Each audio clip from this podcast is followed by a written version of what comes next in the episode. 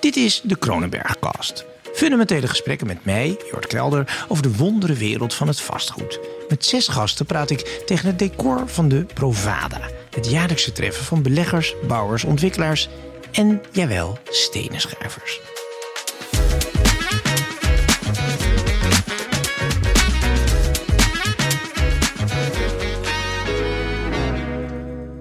Aangeschoven is Leslie Bamberger, leeftijd. 57. Wat wilde u vroeger worden? Uiteindelijk toch wel vastgoed eh ondernemer. Vastgoedondernemer. Dus als ik zeg, wat doe je nu? Dan zeg je, Ik ben vastgoedondernemer. is het een ambacht? Ik denk het wel. Ik denk dat je als vastgoedondernemer... eh, Kijk, laat ik het zo zeggen. Wat is het dan? Ik ben geen makelaar. Ik ben niet een puur zo'n belegger. Hm. Ik ben geen puur zo'n ontwikkelaar. Het zijn allemaal ambachten die een ambacht Ja, ja. zijn. Maar ik ben gewoon... Ik ben bezig met vastgoed. Maar je kan geen muurtje metselen. hè? Ik kan geen muurtje metselen. Maar ik weet heel goed hoe, hoe ik het moet laten metselen. Heb je een favoriet gebouw, stukje grond, plekje in ons land? nou, ik, ik- mijn favoriet is Amsterdam. Denk Dat is de wel stad. gemeen. En dan zoomen we in en dan zeggen we... Dan denk ik dat ik toch wel de bank even als favoriet moet noemen. Omdat dat Ja. toch wel heel veel heeft gedaan voor Kronenberg op ons bedrijf. Luisteraars, ahoy, dit is de Kronenbergcast. En dat is iets nieuws. Eh, we gaan het hebben over vastgoed. Eigenlijk in het kader van de jaarlijkse Provada... waarbij eh, de Kronenberg Groep altijd veel aandacht besteedt aan... nou ja, verhalen over het vastgoed. Ik mag altijd forumvoorzitter zijn daar... ehm, met allerlei prominenten uit die wereld praten. We hebben besloten dat ook in podcastvorm te gaan doen... Eh, met een serie prominente sprekers... eh, de minister, natuurlijk de, de, de roverhoofdman van het, van het concern. Mag dat zo zeggen, Leslie Zeker, Bamberger? zeker. Ja. Nou, Hoe noem je jezelf eigenlijk? CEO? CEO. Oké, nou, Leslie Bamberger, mijn eerste gast. ehm, CEO van de Kronenberg Groep. Waarom wil jij dit? Waarom wil je dat we het vastgoed naar de wereld brengen? Nou, omdat ik denk dat er veel te zeggen is over vastgoed. Ja. En dat we met vastgoed natuurlijk vaak in een verdomhoekje zitten. Dat Ja. het altijd aan vastgoed ligt. Dus ik denk als we iets meer duidelijkheid kunnen geven over hoe de markt functioneert. En wie en wat we zijn, maar wat we ook doen. Dan geeft dat misschien iets meer respect naar de markt toe. Als dat we nu hebben. Dus je hebt het, het gevoel van het vastgoed staat er vaak niet zo goed op. Nee. Eh, ik heb natuurlijk een geschiedenis bij, die, bij, die, bij dat blad Quote, Quote 500... waar heel veel van jou, jou, jouw vrienden op stonden... en jij zelf niet in de laatste plaats. Ehm, maar er zat altijd inderdaad een soort sfeer om van snelle jongens. En er is dat ook was veel het gebeurd. ook wel, hè, er is ook veel gebeurd. Het is natuurlijk een enorme Ja. vastgoedfraude geweest. We hebben natuurlijk eh, de bouwfraude gehad. Ook deels natuurlijk ook vastgoed gerelateerd. Maar het is natuurlijk eh, maar een druppel op een gloeiende plaat geweest... van een aantal mensen die zeg maar, zich op een Ja. bepaalde manier in de markt beweegden. En ik vind het juist belangrijk dat we gewoon met een serieus vak Ja. zijn. Ja. En ook een vakgebied is waar heel veel expertise zit. Maar dan gaan we toch even terug naar hoe jij begon in deze wereld. Ja. Als, als, als kleinzoon van de grote Jaap Kronenberg. Ja. Ehm, wij hebben, over welke periode praten wij? Ik ben begonnen in 86. Mhm. En heb eh, tien jaar met mijn grootvader samengewerkt. Tot 96, totdat hij overleed helaas. Ja, dat is een periode geweest die voor mij een enorme leerschool is geweest. Ja, Jaap Kronenberg overlijdt dan. eh, nou ja, tot verdriet van de familie natuurlijk. Waarom gaat zijn kleinzoon hem dan opvolgen? Ja, dat was nou eenmaal zo bedacht. Ik denk dat ik altijd wel als kroonprins daarvoor Ja? geschoven werd. Mijn grootvader heeft twee dochters, waarvan één mijn moeder uiteraard. En ja, die hadden geen intentie om het bedrijf in te gaan. En ehm, ik was in die zin voorbestemd dat hij had het idee dat ik het bedrijf moest overnemen. In ieder geval de dagelijkse leiding. En zoals zodanig heb ik, eh, ben ik opgeleid. Ik ben eerst eh, bij Jones gaan werken. Jones Als- Lang Jones LaSalle heet nog, yes. hè? Ja, het- En eh, vervolgens bij Richard Ellis, Ja. nu CBRE. En er was ook een beetje vanuit de familie gezegd... jij gaat het vak daar leren. Nou ja, dat, dat, dat is een beetje een soort, soort automatisch gegaan. Er was geen alternatief. alternatief. Ik had een neefje, die was veel te jong. Eh, mijn zus had ook die ambitie helemaal niet. Dus uiteindelijk eh, was het niet een onlogische keuze Mhm. dat ik daar zou gaan zitten. Als je nu door Amsterdam heen loopt, of sowieso door Nederland. Want laten we dan, en we gaan straks natuurlijk over wat is er allemaal mis, wat moet er anders, wat kan er beter. Maar als we nu gewoon een beetje door dat land kijken, wat we de laatste tientallen jaren van Nederland hebben gemaakt. Is het kwalitatief beter geworden? Of zeg je, Nou, ik vind dat we wel steken laten vallen in die zin. Ik denk dat je juist in een periode waarin het wat moeilijker is... juist voor kwaliteit moet gaan. ja? Ja, absoluut. Ik denk dat kwaliteit overwint altijd. zoals we in de jaren dertig ineens goed gingen bouwen? Nou ja, je ziet dat een heel groot aantal gebouwen... die ooit in, de, hè, in, die tijd zijn gebouwd... er nog Ja. steeds staan. Ja, daar wonen En- mensen ook graag. En als je kijkt Ja. eh, naar de, de grachtengordel van Amsterdam, die ziet er nog fantastisch uit. Ja. heel Zuid is Ja. nog steeds enorm in trek als het gaat over... eh, het wordt Dus je zegt wel- kwaliteit betaalt zich op termijn altijd terug. dat is wel gebleken, maar ik denk ook dat het belangrijk is dat je kwaliteit toevoegt aan, aan de stad. Daar waar een stad moet groeien. Het is makkelijk om toe te voegen, maar als je geen kwaliteit toevoegt, dan Mhm. weet je ook niet wat dat voor lange termijn gaat betekenen. Maar toch even, dat, want anders we gaan we voorbeeld. Ik wil eerst nog even uitzoomen en dan inzoomen. Dus Ja. we, we kijken naar Nederland, een van de rijkste landen van de wereld. Binnen de EU geloof ik zelfs de rijkste op Luxemburg na. Vind je dan dat hoe wij wonen, hoe wij leven, dat dat correspondeert met de rijkdom van dit land? Nou, laat ik het zo zeggen. Ik, als ik bepaalde eh, wijken zie, hoe die, zich, eh, hoe die functioneren en hoe men daar moet leven, begrijp ik dat niet. Nee. nee. Ik zou niet weten waarom we zulke achterstandswijken moeten hebben in een, een rijk land als Nederland. Komt het omdat we er geen oog voor hebben, omdat het liefdeloos is of omdat Nou ja, we de boekhouders waar- zijn? Nou ja, ik denk de vraag is wie, wie is daarbij betrokken en, en ligt Ja. er een prioriteit? En ik denk Ja. als er geen prioriteit is, dan wordt er ook geen aandacht aan gegeven. Ik Ja. kom ook veel naar Amerika uiteraard. En ik rijd motor op in Amerika en ik kom in, in, in wijken terecht waarvan ik denk, nou hoe kan dit nou dat dit überhaupt nog leeft hier? Dus in, in Nederland is natuurlijk vele malen beter, maar het feit dat we achterstandswijken hebben, ofwel gesegmenteerde wijken Ja. hebben, ofwel een soort ghetto-achtige wijken. maar zeg je als, ook als zakenman, dat is eigenlijk niet nodig.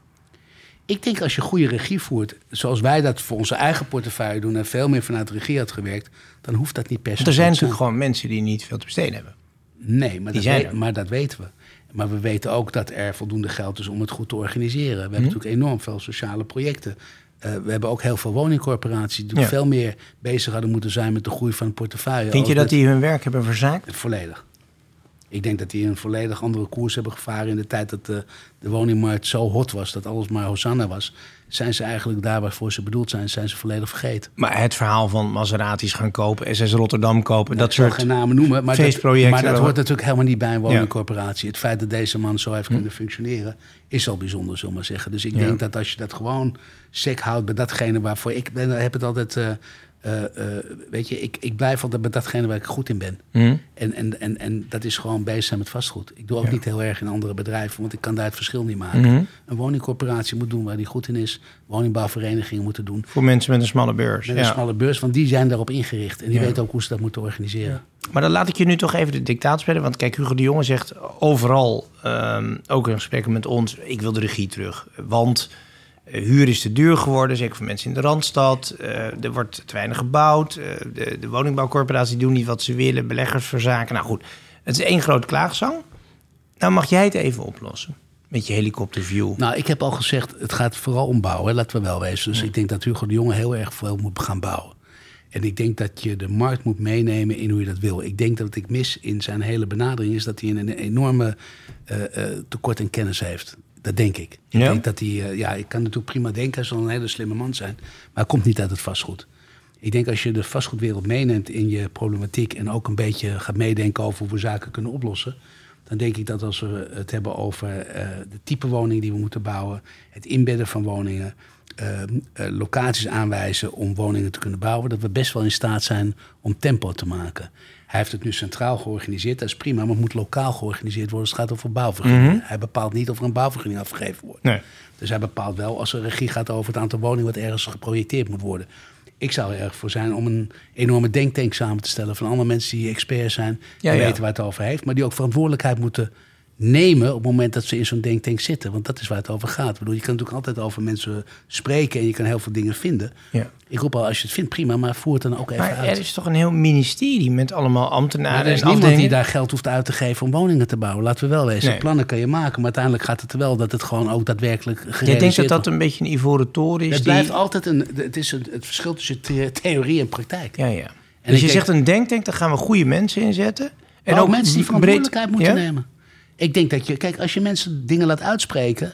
En je kan wel aan de zijkant de hele dag roepen dat het niet goed is. Ook richting Hugo de Jonge. Mhm. Ja. Dat begrijp ik allemaal wel. Dat is makkelijk, hè? Maar kom dan gewoon ook even met een concreet plan. Ja. En als dat concrete plan valt zodanig dat veel partijen dat ook vinden. dan moet je toch echt wel in staat Mhm. Zijn om woningen te bouwen. Maar er moeten dus kennelijk wel, ja, misschien wel 900.000 huizen gebouwd worden. Hoe dan wel? Nou, we hebben een van je eh, collega's uit vastgoed even een vraag laten stellen hierover. Er maar in, Maarten de Gruiter.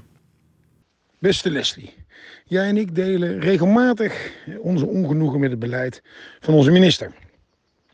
Maar wat in het huidige beleid van minister Hugo de Jonge kan wel jouw goedkeuring dragen? Nou, laat ik het zo zeggen. Het enige waarvan ik denk dat dat in ieder geval een goede zaak is... dat het centraal geregeld gaat worden. Ja. En dat je met één partij te maken hebt die de regie wil voeren. Daarom, wat ik net zei ook al, dan heb je wel de regie... maar vervolgens moet je het wel weer terugleggen Ja. bij de diverse gemeentes. Dat zou iets zijn waarvan ik denk... ik denk alles wat hij daarnaast bedacht heeft... ehm, heeft heel erg te maken ook met een bestaande woningvoorraad. En daar gaat hij het verschil niet mee maken. Hm? Want regels geven aan een bestaande voorraad... betekent dat je ook Wel niet splitsen, nou, dat dat ook nog wel mutaties. Je hebt Ja, ook ja. nog wel, eh, mensen moeten nog wel gaan verhuizen. Ja. Wil je die, die slag maken? Het gaat heel erg over het bouwen van woningen. En dat is als hij dat centraal wil regelen en hij kan zich goed omringen met mensen en ook toezegging gaat krijgen van partijen, want die zijn er, Mhm. dan denk ik dat hij wel zijn slag zou kunnen maken. Ja. Maar ik denk op dit moment eh, is de, de woningmarkt nog niet op een dusdanig punt dat we door Ja. de rente en door de bouwkosten. eh, eh, de discussie is er wel, laat ik het zo maar zeggen. Het Ja. is best wel lastig om nu te zeggen tegen een bouwer: ga maar bouwen. Ehm, daar hebben we ook nog de geld voor nodig. Maar ik denk dat je gewoon moet naar sociaal rendement. Ik denk dat je gewoon moet zeggen: luister, het is wat het is, maar we gaan die woningen gewoon bouwen. En er zijn genoeg partijen in mijn ogen die daar prima mee kunnen. Maar sociaal rendement betekent dat we gaan met verlies bouwen? Eh, ik denk, laat ik het zo zeggen, wij bouwen nog steeds. Hè. Bedoel, ook wij moeten nu op dit moment eh, duur betalen als het gaat over bouwsommen. Maar we nemen genoeg met minder rendement. Nou is onze inkoop misschien van de grond, eh, doordat we het wat langer in bezit hebben, is wat minder duur. En misschien zijn we in staat om hogere huurprijzen te realiseren in Amsterdam. Hè, als het over kantorenmarkt hebben, over winkelmarkt, dus misschien is de reeksom in Amsterdam nog te maken. Dat is niet gezegd dat dat buiten Amsterdam zeg maar, Ja. allemaal oplosbaar is. Maar ik denk wel dat ehm, als we het hebben over eh, de mogelijkheden van bouwen, ik denk dat er zeker een exercitie te bedenken is eh, waarin we in staat moeten zijn om volume te maken met een sociaal rendement, waar partijen genoegen nemen met een Ja. laag rendement. Oké, een beetje lager rendement. Ehm, voor langere termijn misschien wel stabiel in ieder geval. Maar de- je kan een paar dingen doen. Kijk, de rentestand kunnen we niks aan veranderen. Dat is volatiel. Ja, oké, maar goed, die, die gaat gewoon plus Ja, minus een wereldmarkt. hè? ja. Dan zeggen ze, nou, de, bouw, de, de, de bouwgrond, de grond, zouden gemeentes eh, misschien wat soepeler in kunnen zijn. Die willen enorme winsten daarop maken. Dat- Moeten soepeler zijn. Moeten ja, soepeler zijn. Vind je dat een grote Ja, blokkade dit natuurlijk, want het is NN. Bedoel, Ja. Wij moeten meer rente betalen. Althans, de partijen die gaan bouwen hebben nou eenmaal een rentetikker waar ze mee moeten rekenen. De bouwsommen gaan nou eenmaal omhoog. Ja. Dan zal er ook een residu moeten zijn die grond heet. Die grond moet gewoon goedkoper ingebouwd worden. en en eh, we hebben het heel vaak in Nederland op dit moment over grijflatie. Eh, als ik dan hoor dat de dakpannenprijzen verdubbeld zijn... terwijl de gasprijzen weer terug zijn op het niveau van voor de Oekraïne-oorlog... denk ik, waar komen die prijzen vandaan? Ja, men is gewend geraakt aan deze Maar prijzen. worden we plat worden we niet gewoon genaaid met die bouwprijzen? Ik denk wel degelijk dat er mogelijkheden zijn om de bouwprijs omlaag te halen. Maar de vraag is wie dat gaat organiseren. Daar ben ik niet aan de bal. Dat zijn dan weer de aannemers. En dat zijn de grote Ja, bouwbedrijven. maar goed, daar koop jij in. En ja, maar aan misschien dat jij moeten die grote bonnetjes- bouwbedrijven Ja. ook aan tafel schuiven in diezelfde eh denktank. Ja, want we geven, de- neem maar als gegeven, ja, de bouwkosten zijn nu Nee, eenmaal dat is, een, dat is een algemeen gegeven. Ja. Maar dat is wat men roept. Ja. En de rente is hoog en we kunnen niet meer investeren. En met al die regelgeving die Ja. we krijgen, kunnen wij niet meer... In, Dan eh, kan je dus niks meer, Dat is ja. natuurlijk het verhaal van veel buitenlandse Ja. partijen. We kunnen niet meer komen, want we kunnen geen rendement meer maken. Ja. Er zit geen exit moment voor ons meer vast. Prima. Maar dat zijn ook de partijen niet die hier gaan creëren om die woningen toe te voegen. Ja. Dat zijn de partijen die gaan kopen op het moment dat het gecreëerd is. Ja. Maarten de Gruiter bouwt woningen en vervolgens verkoopt ze aan een belegger. En of dat nou een, een, een Nederlandse partij is of een buitenlandse partij, dat maakt niet zoveel uit. Want die regelgeving is toch al vastgesteld. Ja. Dus dat gaat niet veranderen. Het gaat veel meer om de samenwerking tussen partijen die echt Mhm. het volume kunnen maken. Om daar zodanig afspraken te maken dat je in staat bent om snelheid te maken. Maar zeg je dan, eigenlijk moet iedereen een beetje water in de wijn doen... 100%. een beetje marge inleveren, een beetje kosten terugdraaien... Ja, en dan mot het maar. Ik denk dat moet maar, ja. Dat betekent ook dat de gemeente met zijn grondprijzen gewoon omlaag moet. Ja, hoeveel? Ja. Dat hangt er vanaf wat de rekensom doet. Ja. In Amsterdam zal dat een iets andere rekensom Maar zijn zijn. dat, zijn dat tientallen procenten voor het grondbedrijf omlaag? Dat zou zomaar kunnen. Ja. Maar dat is dan maar zo. per locatie natuurlijk Ja, af, ja? dat is dan maar zo. Ik bedoel, als Ja. zij willen dat er gebouwd wordt, zullen ze ook Ja. mee moeten in de, in de flow van de, van de kostprijs. En eh, dan zijn er ook nog opties dat ze zeggen... ja, die jongen moet eigenlijk eh, een soort... ja, zeg maar, de bouwstop eh, gaan financieren. Ze, ze eigenlijk, wat zijn die nou? Door de, door de, Ja, door de dip heen bouwen. Compenseren, als het ware. Ja. Zeg maar een soort, Dus een soort garantstelling- soort garantstelling afgeven... Ja. dat er een bepaald rendement gegarandeerd wordt. Ik denk dat dat veel meer gaat over de lange termijn. Want ook bij vastgoed... Hè, men zegt dat het lange termijn heel veel wonden. Dat is in vastgoed natuurlijk ook zo. Er komt natuurlijk weer een correctiemoment. Er is ook gewoon een index. Er is ook gewoon een huurverhoging. Dat gaat op een gegeven moment wel weer komen. Het gaat mij veel meer... En, het, het voordeel En er is vraag. En Dat het voordeel met woningen in is dat het een, een continuïteit aan huurstroom geeft. Ja.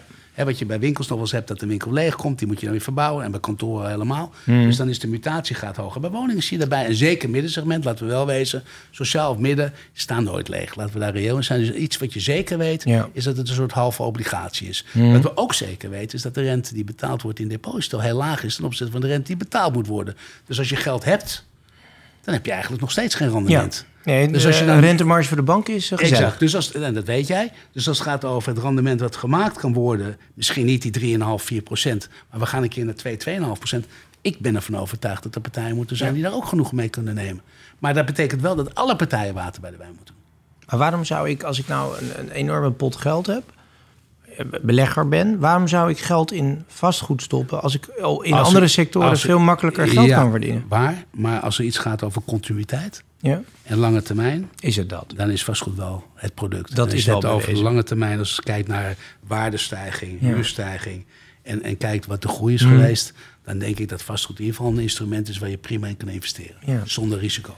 Denk je als we dit niet voor elkaar krijgen, die bouwcrisis niet kunnen voorkomen, eh, die, die honderdduizenden huizen er eh, de komende nou ja, 10, 20 jaar niet komen, in ieder geval niet in de aantallen die, eh, die, die, die gewenst zijn, dat er een soort revolt ook tussen generaties ontstaat? Want je hoort vooral het gebrom hier tussen twintigers en dertigers die zeggen, ik woon nog bij mijn ouders, ik pik dit niet langer. Nee, ik denk dat wel zeker zo. En ik denk dat dat ook eh, in mijn ogen ook een beetje tussen rijk en arm gaat worden. Ik bedoel, de ene verdient enorm veel geld en de andere krijgt wat minder. En die heeft het lastig en die kan niet verhuizen en die kan niet naar een nieuwe woning. Ja. En die kan met zijn gezin niet groeien. Ik denk dat we daar kritisch op moeten zijn. Ja? En ik ben er ook hartstikke voor om daar kritisch op te zijn. Het kan niet zo zijn dat iedereen maar, maar doorgaat waar we mee bezig zijn. Er is een probleem. ja? Zeg je dat ook tegen al je rijke vrienden? Nou, laat ik het zo zeggen. Ik, ik denk dat Dat wij... bedoel dat er iets veel op van spel mijn- staat? Nou, gelukkig zijn veel van mijn vrienden redelijk sociaal betrokken. Ja. Dus die hebben allemaal wel eens iets van... eh, we moeten gewoon zorgen, hè, we kunnen... eh, wie niet kan delen, kan niet vermenigvuldigen. Dus Ja. ik vind wel degelijk dat je moet kijken naar, naar alles wat om je heen gebeurt. En we zijn niet blind, hè? Ja. We zijn niet blind. En ik vind het daadwerkelijk... Ik, heb, eh, ik zit aan bij een, bij een groep bij de burgemeester. Dat was gaat over... Hoe zouden we nou het middensegment kunnen... Hè, maatschappelijke beroepen... Hoe Want is die- dat, want we hebben het wel eens over starters, eh, sociale woningen, nou, dat hebben corporaties, maar dat het middensegment, mensen die een beetje tussen wal en schip vallen Je, steeds. je hè? hebt nou eenmaal... Het, het probleem is dat we hebben te weinig geïnvesteerd in het middensegment. Waardoor er heel weinig middensegmenten... Je gaat Waarom is dat zo nodig, het Omdat in de tijd, zeg maar, op het moment dat je een woning zou bouwen, dan ging je voor sociaal en door de puntentelling, en zeker in Amsterdam, ging je al heel snel naar de vrije sector. Ja. Dus een woning was al heel snel vrije sector. En daarmee heb je eigenlijk een heel segment overgeslagen en is er ook niet op gebouwd. Ja. Dus het was alleen maar rekenen, en dat waar we het ook Mhm. over gehad hebben met al die woningcorporaties, dat natuurlijk veel meer moeten inzetten, ongeacht het feit dat Ja. je heel snel de vrije sector, zou je gewoon het middensegment moeten bedienen. Als je het hebt over doorstroom vanuit sociaal, dan zou je ook moeten zorgen dat de doorstroom naar een woning gaat die groter is, Mhm. eh, meer slaapkamers heeft, maar wel op een huurniveau is die in dezelfde vorm betaalbaar blijft voor diegene die Ja. uit de sociale Dus dat zijn komt. huren van om en nabij, zeg ik even 1000 euro, 1100 En een euro beetje dat. meer, precies. En misschien wel, ik bedoel, en, en ik denk dat dat belangrijk is. Mhm. Want daarmee kan je doorgroeien. En ik denk dat we, we missen dat segment. Het lijkt net alsof de, in ieder geval de beleggers die er in die markt zitten, ik geloof dat zo'n 15% commerciële huur is in Nederland. Eh, ja, die gaan die panden uitponden volgens mij. Want die denken, ja, de belasting is nu zo hoog straks aan het worden. En box 3. En Ja. wordt het overal eigenlijk ongunstig. Maar en, en, ik denk dat dat maar een heel klein groepje Ja? beleggers is. Want als je kijkt, het zijn er een paar honderdduizend. ja, maar de, de, de- als je kijkt naar het totaal, hè, naar de totale woningvoorraad, Zeker. dan zit het meeste, de, het allergrootste deel zit gewoon bij de woningcorporatie. Een derde zit ongeveer bij de woningbouwcorporaties. Ongeveer 15% commercieel, rest is koop. Ja, Ja. Heb je, nou, maar als je Iets meer over- dan de helft als je het over de huurmarkt hebt, hè, dan hebben we het ook nog over de koopmarkt. Ja. Precies wat je zegt, Ja. daar ben ik het ook mee eens. Als je het hebt over eh, wat voor type woningen bouw je Ja. nou. Als je gewoon puur kijkt naar de markt, waar, waar, eh, gewoon naar de private Mhm. beleggers, ja, die bepalen echt de markt niet. Zou het ideale niet zijn dat mensen of huren met, met nou ja, een beetje gesubsidieerd, de maatschappij helpt mensen met een lager inkomen aan, aan een behoorlijk huis, of je koopt en de rest heb je alleen maar nodig als je in scheiding ligt, toch? Ja, dat zou je zeggen, ja. Nee, ja, weet Dat je, dacht ik. Maar ja, weet je, het verleden ook wel weer is gebeurd. En dan was er weer een beetje overwaarde in het huis. En dan vertelde de bank weer, dan moet je vooral beleggen in aandelen. Want dan kan je dat weer gebruiken. het, is, het is ook weer verkeerd gegaan. En, en, en ik denk dat je heel zuiver... Ik hou van conservatief denken als het gaat over de lange Ja. termijn. Ik vind dat conservatief, dat, dat, dat brengt ons ook door periodes heen die Ja. minder makkelijk zijn. En ik denk dat dat voor woningen hetzelfde... Een woning moet geen handelsproduct worden. Mhm. Een woning moet een woning zijn. En zeker in de particuliere markten. Zeker over diegenen waar we het nu Ja. over hebben. Die moeten gewoon eh, kunnen wonen in een woning die past bij hun inkomen. Ja. En dat is wat we gebouwd moeten hebben. En dat, dat is waar we aan moeten werken. Ik hoor vaak het woord inbreien. Wat is dat? Ja, inbreien zou zijn dat je hebt twee gebouwen staan... en dan kan je een beetje opbouwen, een beetje naastbouwen... en Hm. dan heb je ook een paar woningen gebouwd. Maar dat is, dat is dus echt het Mikado-spel van het Nederlandse vastgoed... waarbij alle vergunningen, alle, moeizaam, moeizaam in die oude steden. Ja, is Daar wel- begin je aan. Is wel het lastigste, maar heeft, als je het hebt over het voorzieningenniveau, daar waar je wil wonen en gaat wonen, die zijn al aanwezig. Dus dat maakt het wel weer wat makkelijker. Want als je dat in een wei doet, eh, dan betekent dat je heel veel voorzieningen zou moeten toevoegen om Ja. het daar leefbaar te maken. Scholen, winkels, eh, sociale voorzieningen. En dat is in de binnenstad natuurlijk al grotendeels gerealiseerd. Alleen, ja, dat is niet zo makkelijk. Maar dat is lastig met die vergunningen. Hoe zou je dat kunnen doorbreken, dat daar tempo omhoog kan? Ik denk dat dat een onderdeel is van de taak van de, het Rijk. Want, Ja. en, en dan misschien de gemeente om daar met soepelere regels mee om te gaan. Eigenlijk wil jij, ik zal niet zeggen dictatoriale kracht vanuit het ministerie... maar je wil dat er echt zo nu en dan gewoon doorgezet wordt. Ik denk dat de. Volgens mij moet het zijn. We willen woningen bouwen. En daar moeten we misschien een aantal dingen voor doen. die Mhm. we voorheen niet zo gedaan zouden hebben.